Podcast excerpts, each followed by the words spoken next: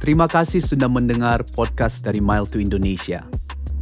Mile to Indonesia membagikan kabar baik dari Tuhan kita Yesus Kristus kepada semua orang di muka bumi ini dengan memberi penguatan setiap minggunya melalui firman Tuhan. Pelayanan kami dapat terlaksana atas kerjasama dari para mitra pelayanan online kami, yaitu melalui support secara berkelanjutan dengan pemberian secara online. Dan seberapapun jumlah yang Bapak, Ibu, Saudara-saudari berikan kepada pelayanan Mile to Indonesia, akan sangat membantu kami Mile to Indonesia untuk memberitakan kabar keselamatan kepada ribuan orang setiap minggunya Jadilah mitra pelayanan kami dengan mengunjungi website kami miletoindonesia.com. Dan sekali lagi, terima kasih banyak atas semua support yang diberikan. Dan selamat menyaksikan berita firman Tuhan minggu ini. Salam sejahtera dalam kasih Kristus. Saya harap kita semua dalam keadaan sehat di minggu kedua di tahun yang baru ini, tahun 2022. Terima kasih saudara telah bergabung bersama ibadah online Mile to Indonesia. Hari ini kita akan memulai satu seri khutbah yang baru yang penting bagi kehidupan kita. Dalam beberapa minggu yang berjalan ini, saya akan berbicara tentang bagaimana keadaan jiwa saudara. Setelah Tuhan menciptakan manusia, manusia pertama dari debu tanah, Tuhan menghembuskan nafas hidup ke dalam hidungnya. Maka manusia itu menjadi makhluk hidup. Saudara bisa lihat dalam kejadian pasal 2 ayatnya yang ketujuh. Beberapa Alkitab terjemahan bahasa Inggris menulis bahwa setelah Tuhan menghembuskan nafas hidup ke dalam hidungnya, manusia itu menjadi living soul atau jiwa yang hidup. jiwa kita adalah pribadi atau diri kita yang sesungguhnya. Jiwa kita sangat penting bagi kita karena apa pun keadaan jiwa kita akan menentukan bagaimana kita berinteraksi dengan keadaan yang ada di sekitar kita akan menentukan bagaimana kita berinteraksi dengan pasangan kita, anak-anak kita, sahabat, rekan kerja kita, dan sebagainya. Jiwa kita, bagian dalam dari hidup kita ini adalah bagian yang menentukan bagaimana kita menghadapi tekanan, tantangan, dan kesulitan hidup. Jiwa kita juga yang menentukan bagaimana cara kita melihat dan memberi penilaian kepada orang lain. Jiwa kita inilah yang menentukan apakah kita akan tidur dengan nyenyak atau tidak. Dan kalau kita tidak bisa beristirahat dengan baik, tidur yang nyenyak, maka akhirnya kita akan dikuasai oleh kegelisahan, kekhawatiran, dan ketakutan. Jiwa kita sangat berperan dalam hidup kita karena jiwa kita sangat mengatur bagaimana kita menjalani hidup ini. Apakah saudara pernah merespon dengan cara yang tidak sesuai dengan nilai-nilai kepercayaan saudara? Ketika pasangan saudara, anak saudara, atau teman saudara berkata atau bertindak atau berbuat sesuatu yang tidak mengenakan saudara, menyakiti hati saudara. Pada saat itu langsung saudara membalasnya dengan kata-kata yang tidak pantas. Sesudah itu baru saudara sadar mengapa saya melakukan hal itu. Hal itu sebenarnya tidak sesuai dengan nilai-nilai kepercayaan saya. Saya percaya bahwa kita tidak boleh membalas kejahatan dengan kejahatan, tetapi hal itu saya lakukan. Saudara percaya di mana saudara tidak seharusnya membalas dengan kata-kata yang keras atau tindakan yang menyakitkan, tetapi saudara melakukannya juga. Apakah saudara pernah melakukannya? Saya harus mengakui lebih dulu bahwa banyak kali saya melakukan hal itu. Kita banyak kali bertindak tidak sesuai dengan nilai-nilai kepercayaan kita. Mengapa hal ini sering terjadi, saudaraku? Para ahli hamba-hamba Tuhan bisa menjelaskan hal ini. Akan tetapi pada akhirnya kitalah yang perlu tahu mengapa jiwa kita tidak meresponi sesuai dengan nilai-nilai kepercayaan kita itu. Mungkin dalam hidup saudara jiwa saudara disakiti oleh orang yang saudara kasihi di dalam keluarga saudara atau sahabat saudara. Saudara rindu untuk mempertahankan hubungan saudara. Saudara rindu tetap mengasihinya, tetapi jiwa saudara terus-menerus disakiti. Saudara selalu terganggu, merasa tidak enak, setiap kali saudara mendengar namanya atau melihat wajahnya. Saudara tidak bisa menjalin hubungan lagi dengan dia. Mungkin saudara berkata, "Aku mengasihimu," tetapi saudara tidak bisa menjalin hubungan dengan dia lagi. Apabila saudara berbicara atau menjawab apa yang dikatakannya kepada saudara, saudara tahu dengan pasti kata-kata apa yang akan keluar dari mulutmu. Jadi, bagaimana dengan jiwa saudara pada saat saudara memproses semuanya itu? Dalam dua tahun ini, kita bahkan seluruh dunia mengalami pandemi COVID-19 yang sangat mempengaruhi kehidupan kita. Dan masing-masing kita memprosesnya atau menghadapi masa ini dengan cara yang berbeda-beda. Dalam masa ini, hal-hal yang jelek dalam kehidupan kita mulai muncul di permukaan. Sebelum pandemik, hal-hal ini datang dan pergi. Kita berkata kasar kepada pasangan kita, kepada anak-anak, atau sahabat kita, kemudian kita melupakan apa yang kita sudah katakan atau lakukan kepada mereka. Tetapi di masa pandemik ini, hal-hal yang jelek ini tidak hanya muncul di permukaan saja, tetapi tetap berada di sana. Sebelum pandemik, persoalan yang timbul tidak diselesaikan, tidak terlalu bermasalah, bermasalah.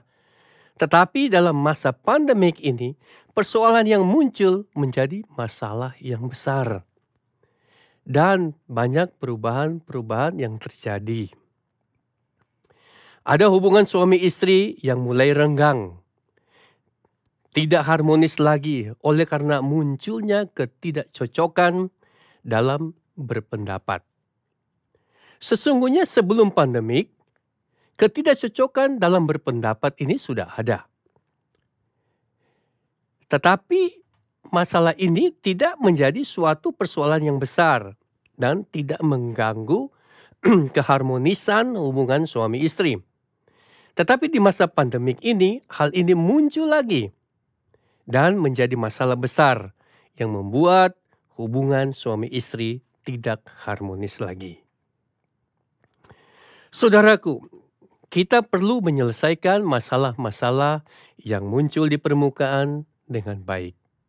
Setiap kali kita mengalami kerugian, disakiti, kehilangan orang-orang yang dikasihi, atau kita dilecehkan, dan sebagainya, kita harus memprosesnya dengan baik, karena hal itu mempengaruhi jiwa saudara, akan mempengaruhi bagian dalam dari kehidupan saudara.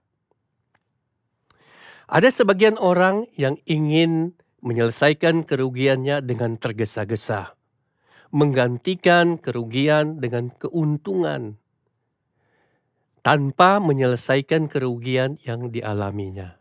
Misalnya orang itu disakiti, dilecehkan, atau kehilangan orang-orang yang dikasihinya. Dia tidak menyelesaikan apa duka citanya itu tetapi dia berusaha untuk bekerja keras untuk mendapatkan uang ataupun menikah, tetapi dia tidak menyelesaikan masalah itu, saudaraku, masalah itu akan muncul kembali. Tetapi, saudaraku, apabila saudara dirugikan, saudara pasti mengalami duka cita. Kita perlu berduka cita dengan baik. Kita harus tahu bagaimana menyelesaikan kerugian itu dengan baik. Karena kalau tidak, maka hal itu akan mempengaruhi jiwa kita. Dalam beberapa minggu ini, saudara akan mendengar pernyataan ini berulang kali. Pernyataannya seperti berikut: ada hal tertentu dalam hidup yang tidak dapat saudara selesaikan dengan kekuatan saudara, dan saudara harus berduka cita untuk hal ini, agar saudara bisa mengalami jalan keluarnya. Saudara harus berduka cita akan hal ini kalau saudara mau memulihkan jiwa saudara. Karena mengalami kerugian, disakiti, kehilangan orang yang dikasihi, merupakan bagian dari pengalaman manusia. Itu adalah bagian dari kehidupan manusia. Tetapi ini juga merupakan bagian yang kita tidak mau memberikan perhatian.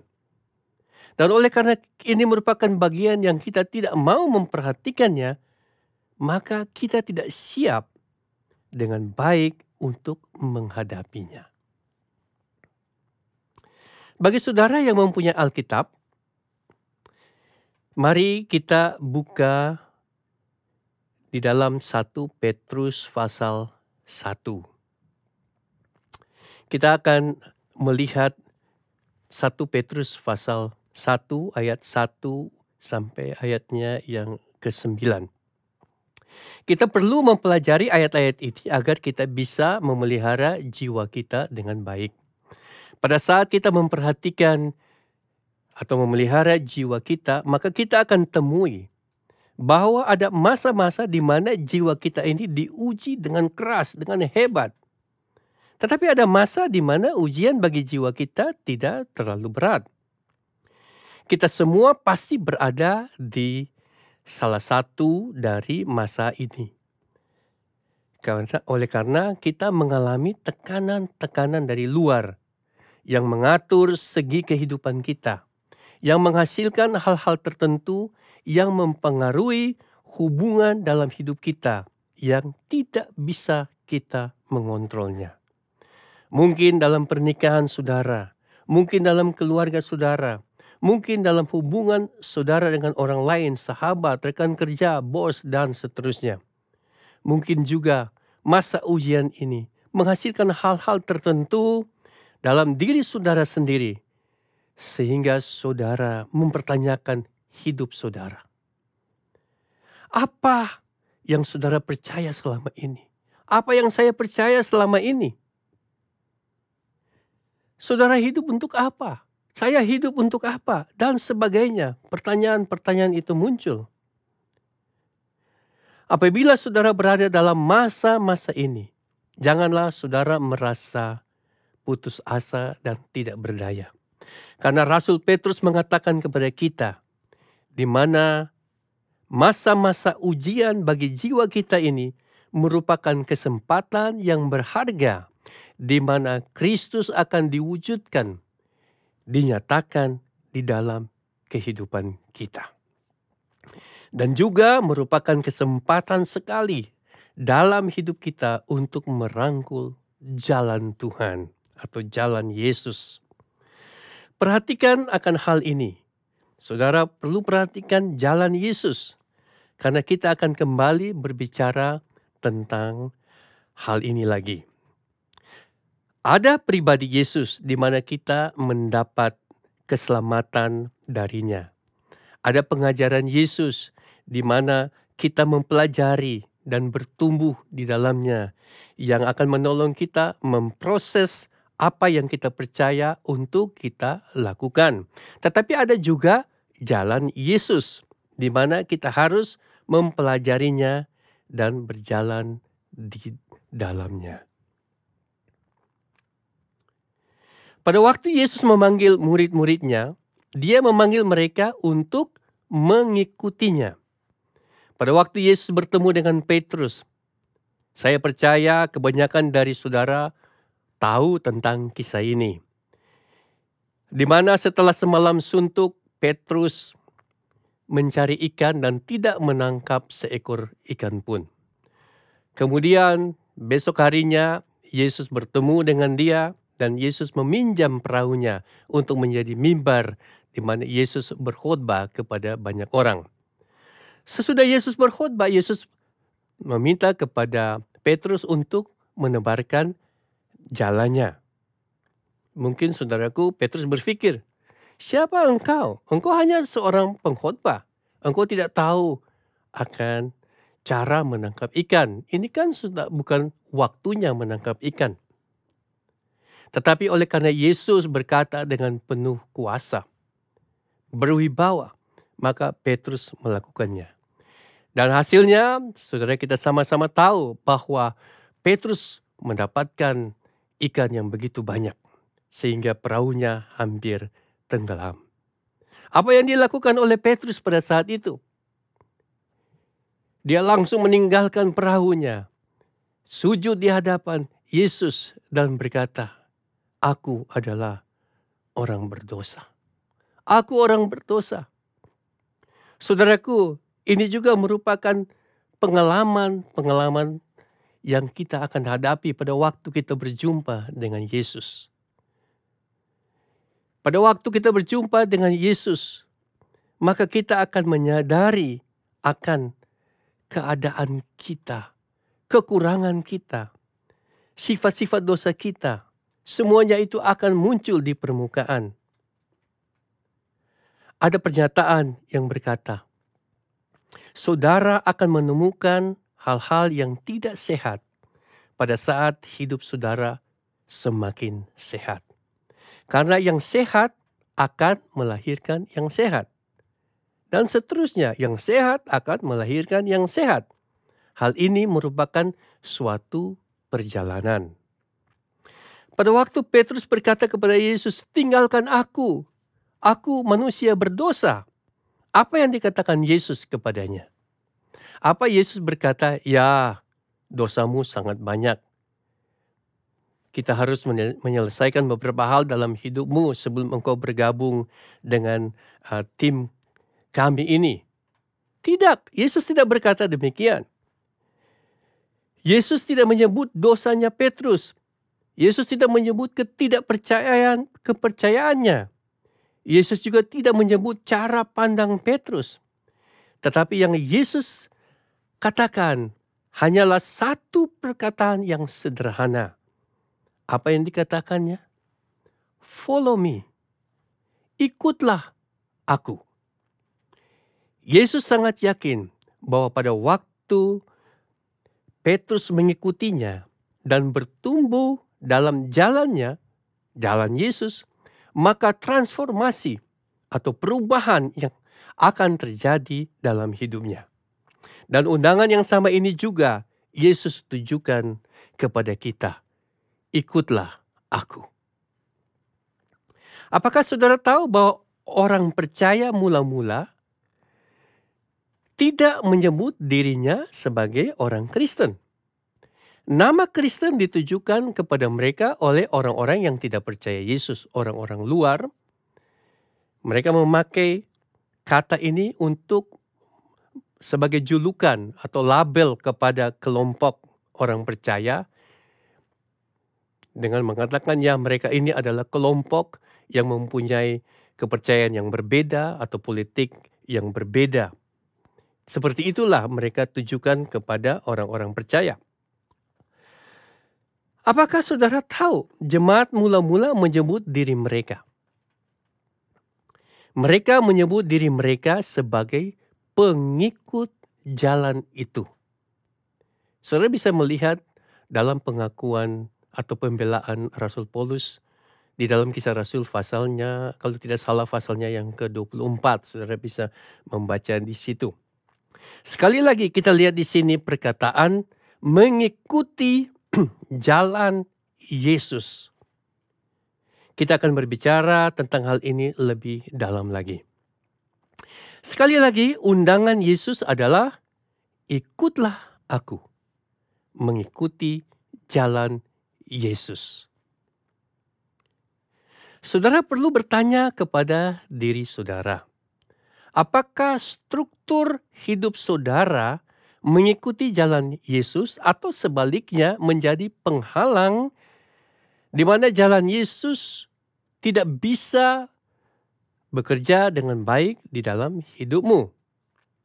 Coba saudara pikir tentang jadwal saudara, komitmen saudara. Coba saudara pikirkan tentang semua perhatian saudara. Saudara berikan perhatian saudara kepada apa dan kepada siapa. Waktu saudara, saudara beri waktu saudara yang banyak ke mana? Semuanya ini menentukan pemeliharaan jiwa saudara. Apakah struktur struktur kehidupan saudara menolong saudara mengikuti jalan Yesus atau sebaliknya struktur hidup saudara membuat saudara sulit mengikuti jalan Yesus. Saudara bisa percaya banyak kebenaran firman Tuhan. Akan tetapi apabila sudah tidak berjalan dan bertumbuh pada kebenaran itu, pada jalan Yesus itu, maka semua kebenaran firman yang saudara percaya itu tidak berarti apa-apa bagi saudara. Kadang-kadang kita terlalu menekankan apa yang kita percaya, yang pada akhirnya membuat pemisahan, perpecahan di dalam tubuh Kristus. Kalau kita melihat sejarah gereja yang menjadi perbedaan pada organisasi gereja, adalah apa yang mereka percaya. Kebenaran yang mereka percaya. Dan inilah yang membuat perpecahan di dalam gereja Tuhan. Apa yang dipercaya harus diterjemahkan, harus diikuti, dan harus diterapkan oleh semua orang. Andy Stanley berkata, alasannya mengapa terjadi perpecahan dalam gereja bukan karena kita tidak bisa mengasihi lebih baik lagi, tetapi alasannya karena kita tidak sependapat dengan apa yang kita percaya. Apabila saudara tidak berjalan pada jalan Yesus, maka kebenaran yang saudara percaya itu akan menipu diri saudara. Saudara akan merasa bahwa saudara adalah orang benar karena saudara percaya akan semua hal yang benar. Saudara bisa percaya akan semua hal yang benar, tetapi saudara juga perlu mengikuti dan berjalan di dalam jalan Yesus.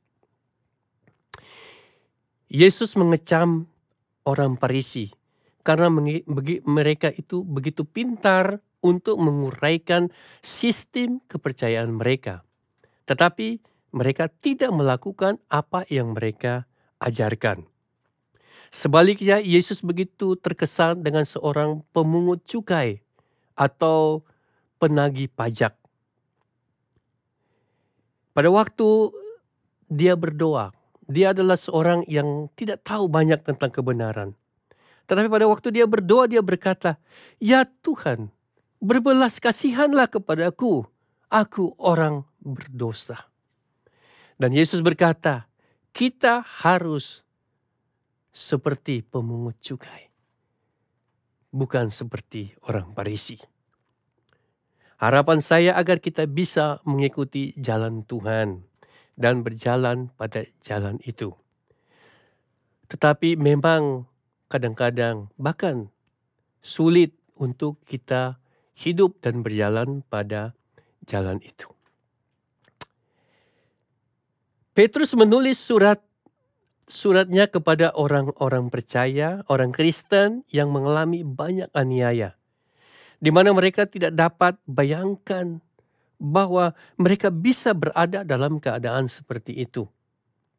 Jemaat mula-mula berkembang begitu pesat.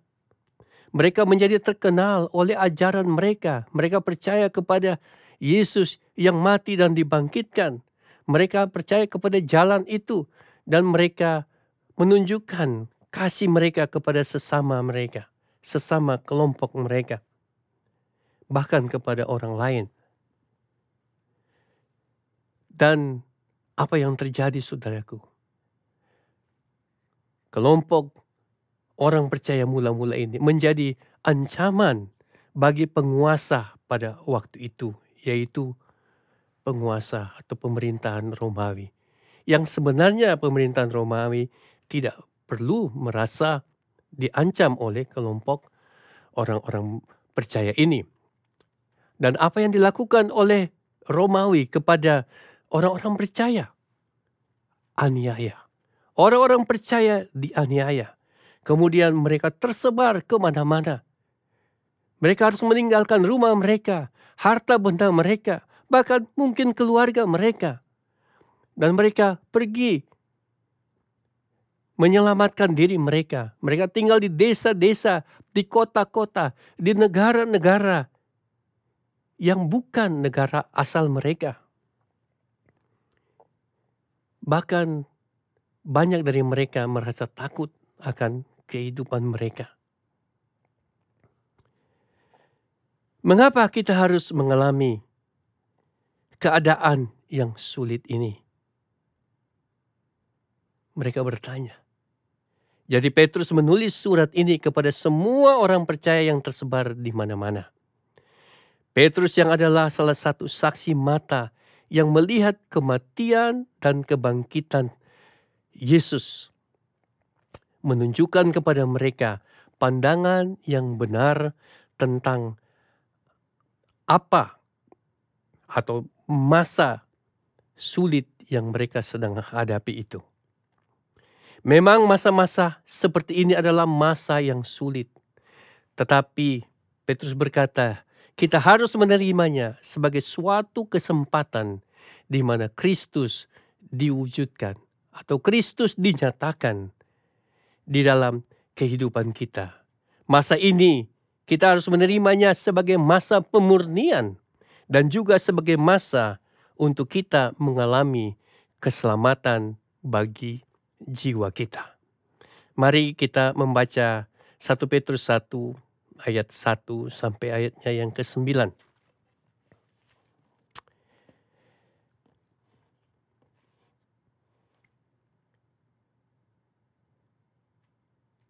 Surat Petrus yang pertama pasal ya pasal 1 mari kita lihat dalam ayat 1 sampai ayat yang ke-9. Dari Petrus rasul Yesus Kristus kepada orang-orang pendatang yang tersebar Saudara lihat di sini mereka sekarang meninggalkan Yerusalem tempat kelahiran mereka. Mereka tersebar di Pon Pontius, Galatia, Kapadokia, Asia Kecil, dan Bitinia, yaitu orang-orang yang dipilih sesuai dengan rencana Tuhan, Bapa kita, dan yang dikuduskan oleh roh supaya taat kepada Yesus Kristus dan menerima percikan darahnya. Kiranya kasih, karunia, dan damai sejahtera makin melimpah atas kamu. Dan saudara perhatikan di sini dikatakan di dalam ayat yang kedua dan yang dikuduskan oleh roh. Dalam Alkitab bahasa Inggris dikatakan through the sanctifying work of the Spirit. Melalui pekerjaan penebusan oleh Roh Kudus. Artinya proses penebusan ini proses penebusan yang terus-menerus terjadi di dalam kehidupan kita. Saudaraku menjadi orang Kristen, pengikut Yesus bukan hanya satu kali pengalaman menerima Yesus Kristus sebagai hadiah di dalam kehidupan saudara. Saudara diselamatkan, saudara selamat dari api neraka dan saudara mengharapkan pada waktu saudara mati, saudara akan masuk ke surga. Dan banyak orang percaya dan tinggal pada kebenaran ini saja. Tetapi yang sebenarnya adalah pekerjaan pengudusan Kristus itu terus-menerus berlangsung dalam hidup saudara. Sejak pertama kali saudara menerima Yesus sebagai Tuhan dan Juru Selamat hidup saudara. Dengan kata lain, saudara sedang berada di dalam dalam konstruksi atau saudara sedang dibentuk menjadi serupa dengan Kristus dan ini membutuhkan waktu di dalam kehidupan kita. Selanjutnya dikatakan supaya taat kepada Yesus Kristus dan menerima percikan darahnya. Kiranya kasih karunia dan damai sejahtera makin melimpah atas kamu. Ayatnya yang ketiga. Terpujilah Tuhan dan Bapa Tuhan kita Yesus Kristus yang karena rahmatnya yang besar telah melahirkan kita kembali oleh kebangkitan Yesus Kristus dari antara orang mati kepada suatu hidup yang penuh pengharapan. Hal ini berbicara tentang kita yang telah dipindahkan atau dibawa kepada kerajaan Tuhan kita sebagai penerima keselamatan itu. Dikatakan oleh rahmatnya kita telah dilahirkan kembali oleh kebangkitan Yesus Kristus kepada suatu hidup yang penuh pengharapan. Petrus berkata kepada mereka, walaupun kita tersebar ke mana-mana, tetapi kita bersyukur karena kita memiliki hidup yang penuh pengharapan. Apa artinya pengharapan di sini, saudaraku? Yang dimaksudkan dengan pengharapan di sini adalah keyakinan akan masa depan berdasarkan pada pribadi Yesus dan janji-janjinya. Saudara bisa dapatkan keyakinan pengharapan ini bukan berdasarkan atas keadaan yang saudara alami saat ini, bukan berdasarkan apa yang saudara dapat lihat dengan mata jasmani saudara, tetapi pengharapan saudara harus berdasarkan pada pribadi Yesus dan janji-janjinya. Hal inilah yang dikatakan di dalam ayat ini. Sebagai pengikut jalan itu, sebagai pengikut Yesus, saudara tidak seharusnya mendasarkan harapan saudara pada perkara-perkara di dunia ini. Harapan saudara bukan pada harta benda jasmani yang saudara miliki. Bukan ya pada perkara jasmani. Mungkin hidup saudara lancar-lancar saja. Saudara bisa mendapatkan semuanya itu. Tetapi mungkin sebaliknya hidupmu dalam keterpurukan dan saudara tidak bisa mendapatkan apa yang saudara harapkan di dunia ini. Tetapi sebagai pengikut Yesus, saya mengajak saudara untuk menaruh sau pengharapan kita kepada sesuatu yang bersifat kekal, yang lebih mulia dari perkara-perkara yang ada di dunia ini. Petrus berkata, "Karena rahmatnya yang besar telah melahirkan kita kembali oleh kebangkitan Yesus Kristus. Ini merupakan dasar di mana kita berpijak. Kemudian dia berkata di dalam ayatnya yang keempat. Untuk menerima suatu bagian yang tidak dapat binasa, yang tidak dapat cemar, dan yang tidak dapat layu, yang tersimpan di surga bagi kamu. Haleluya. Jadi kita lihat di sini ada ada suatu hubungan. Yang pertama tadi di dalam ayat yang ketiga itu kita melihat satu pribadi yaitu Yesus. Kemudian kita lihat di sini ada janjinya yaitu warisan yang tidak dapat binasa. Karena warisan ini disimpan di surga bagi kita.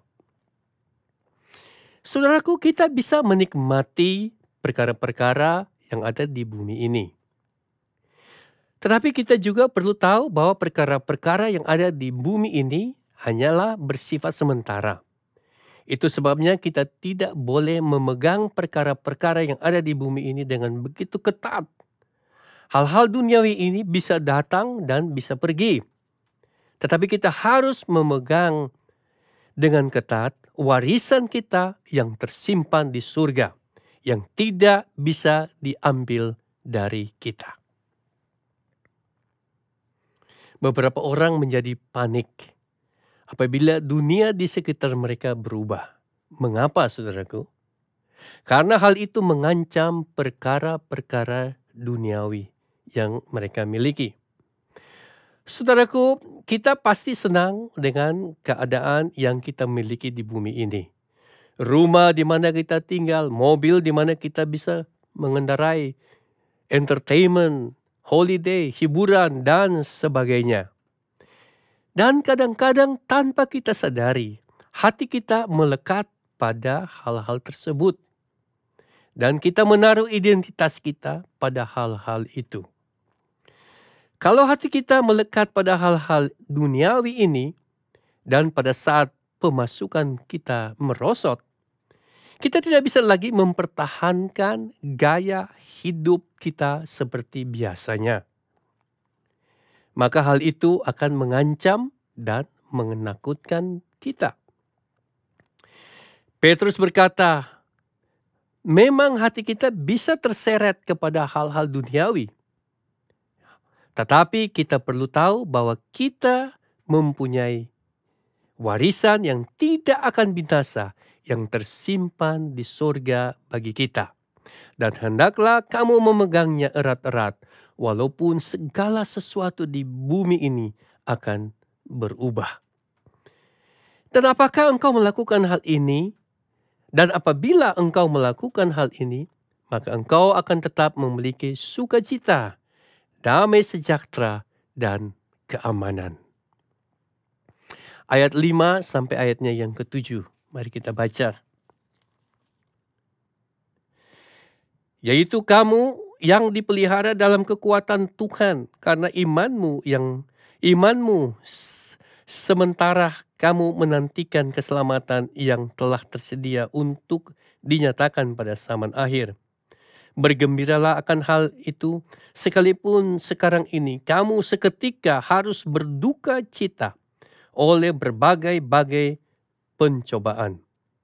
Maksud semuanya itu ialah untuk membuktikan kemurnian imanmu, yaitu jauh lebih tinggi nilainya daripada emas yang fana, yang diuji kemurniannya dengan api, sehingga kamu memperoleh puji-pujian dan kemuliaan dan kehormatan pada hari Yesus Kristus menyatakan dirinya. Haleluya. Ini menunjukkan di mana kepercayaan mereka saudara diuji diuji bagaikan emas yang dimurnikan di dalam api. Demikian juga dengan kehidupan kita. Apa yang kita percaya, apa yang benar-benar kita percaya akan terbukti apabila kita diuji. Apabila kita diberikan pilihan yang mana yang kita pilih, semuanya akan terbukti di sana.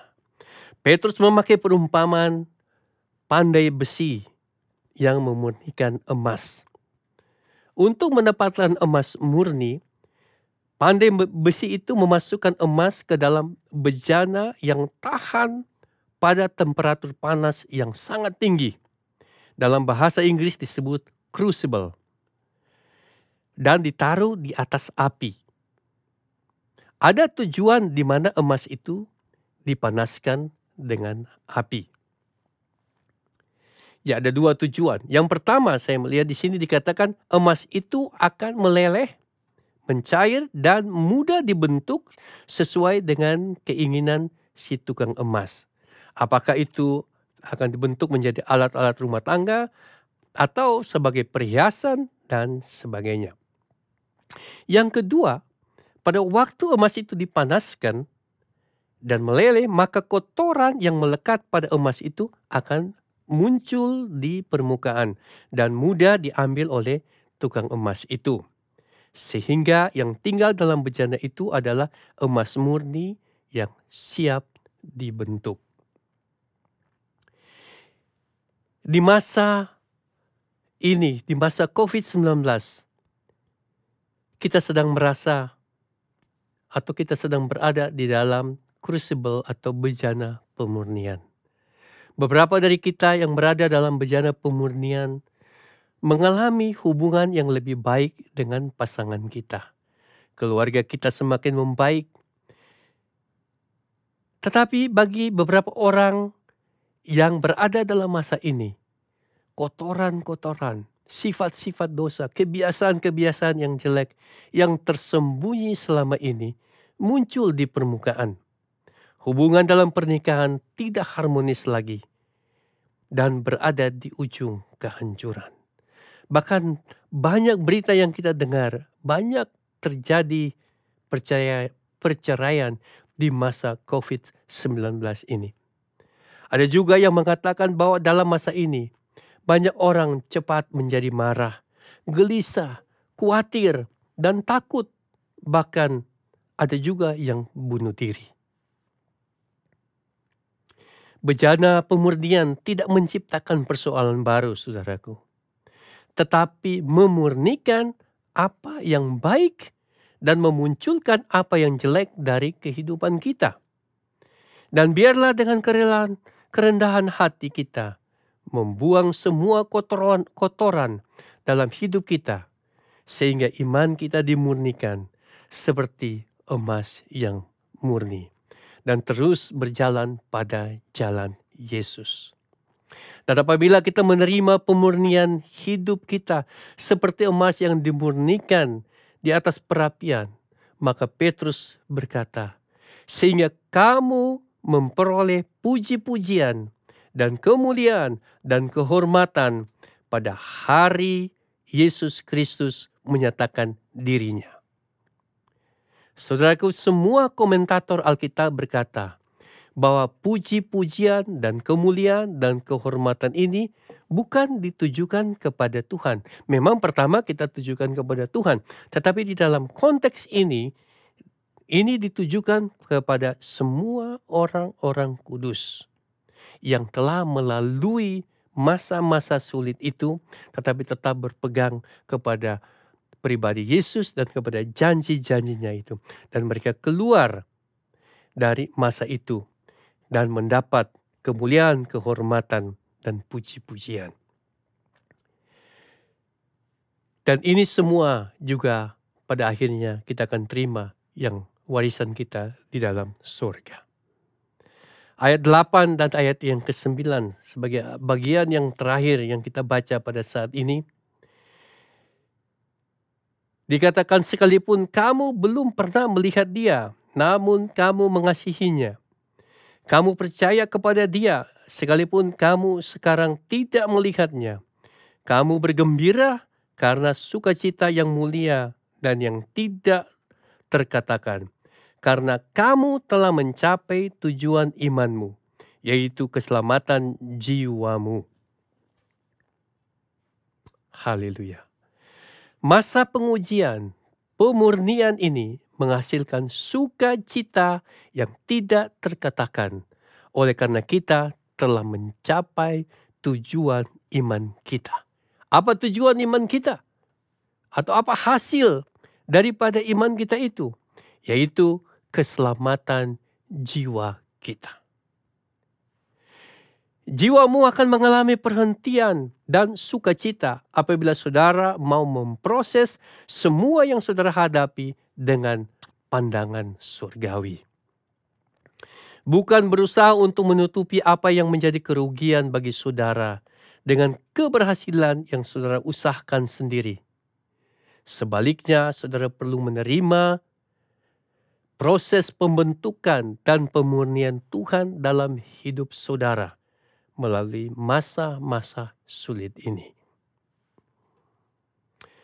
Untuk beberapa minggu ke depan, kita akan berbicara lebih banyak lagi tentang jiwa kita. Bagaimana keadaan jiwa kita. Dan saya mengajak saudara untuk melakukan hal ini. Yang pertama, menerima masa sulit ini sebagai suatu kesempatan untuk Tuhan memurnikan dan membentuk hidup saudara. Yang kedua, amati kotoran atau sampah yang muncul di permukaan untuk dibersihkan. Dan yang ketiga, berjalan di jalannya Yesus dan mengisingkan dia memperbaharui hati dan jiwa saudara. Hal inilah yang akan kita kita bicarakan pada minggu depan. Mari kita berdoa. Tuhan Yesus terima kasih buat kebenaran firman-Mu pada hari ini. Terima kasih Tuhan bahwa kami boleh melihat masa-masa sulit, ujian iman kami ini Tuhan sebagai sesuatu yang yang perlu kami terima sebagai sesuatu yang mulia bagi kami, yaitu di mana Engkau mewujudkan dirimu. Engkau dinyatakan di dalam kehidupan kami. Sebagai masa di mana Engkau memurnikan hidup kami. Dan sebagai masa di mana kami boleh mendapatkan keselamatan jiwa kami. Terima kasih Tuhan buat kebenaran firman-Mu yang luar biasa ini. Hamba mau berdoa bagi saudara-saudara kami yang sedang mengalami masa-masa ujian, masa-masa sulit dalam hidup mereka hari-hari ini. Roh Kudus, berilah mereka kemampuan agar mereka bisa berjalan melalui masa-masa ini dengan mata mereka yang tertuju hanya kepada satu pribadi yaitu Yesus Kristus dan kepada janji-janjinya. Terima kasih Tuhan, sehingga mereka akan keluar sebagai orang-orang yang menang, yang yang mendapatkan puji-pujian, kehormatan dan kemuliaan dan mendapatkan warisan yang disimpan di surga bagi mereka. Terima kasih ya Tuhan, terpujilah namamu. Hamba mau berdoa Tuhan. Biarlah kami semua dipenuhi dengan damai sejahtera sukacita yang melimpah daripada Engkau pada saat kami mengalami masa-masa ini ya Tuhan. Kami percaya bahwa masa-masa ini tidak akan berlalu, akan berjalan terus-menerus dalam hidup kami. Tapi kami tahu ini akan berakhir dengan kemenangan bagi kami sekalian. Terima kasih, terpujilah namamu. Kiranya Tuhan memberkati engkau dan melindungi engkau. Tuhan menyinari engkau dengan wajahnya dan memberi engkau damai sukacita. Dan Tuhan menghadapkan wajahnya kepadamu dan memberikan engkau damai sejahtera. Amin. Terima kasih banyak sudah mendengarkan pesan firman Tuhan di minggu ini. Dan jikalau Bapak, Ibu, Saudara-saudari ingin menghubungi kami selama minggu berjalan, silakan mengunjungi website kami yaitu miletoindonesia.com. Di dalam website kami, Bapak, Ibu, Saudara-saudari dapat mencantumkan permohonan doa, bergabung dengan doa online setiap minggunya, dan juga dapat mencari referensi khotbah-khotbah yang lainnya yang tentunya dapat menguatkan iman percaya. Kami berharap dengan ini semua, cinta kasih kita kepada Tuhan dan sesama terus bertumbuh. Tuhan Yesus memberkati kita.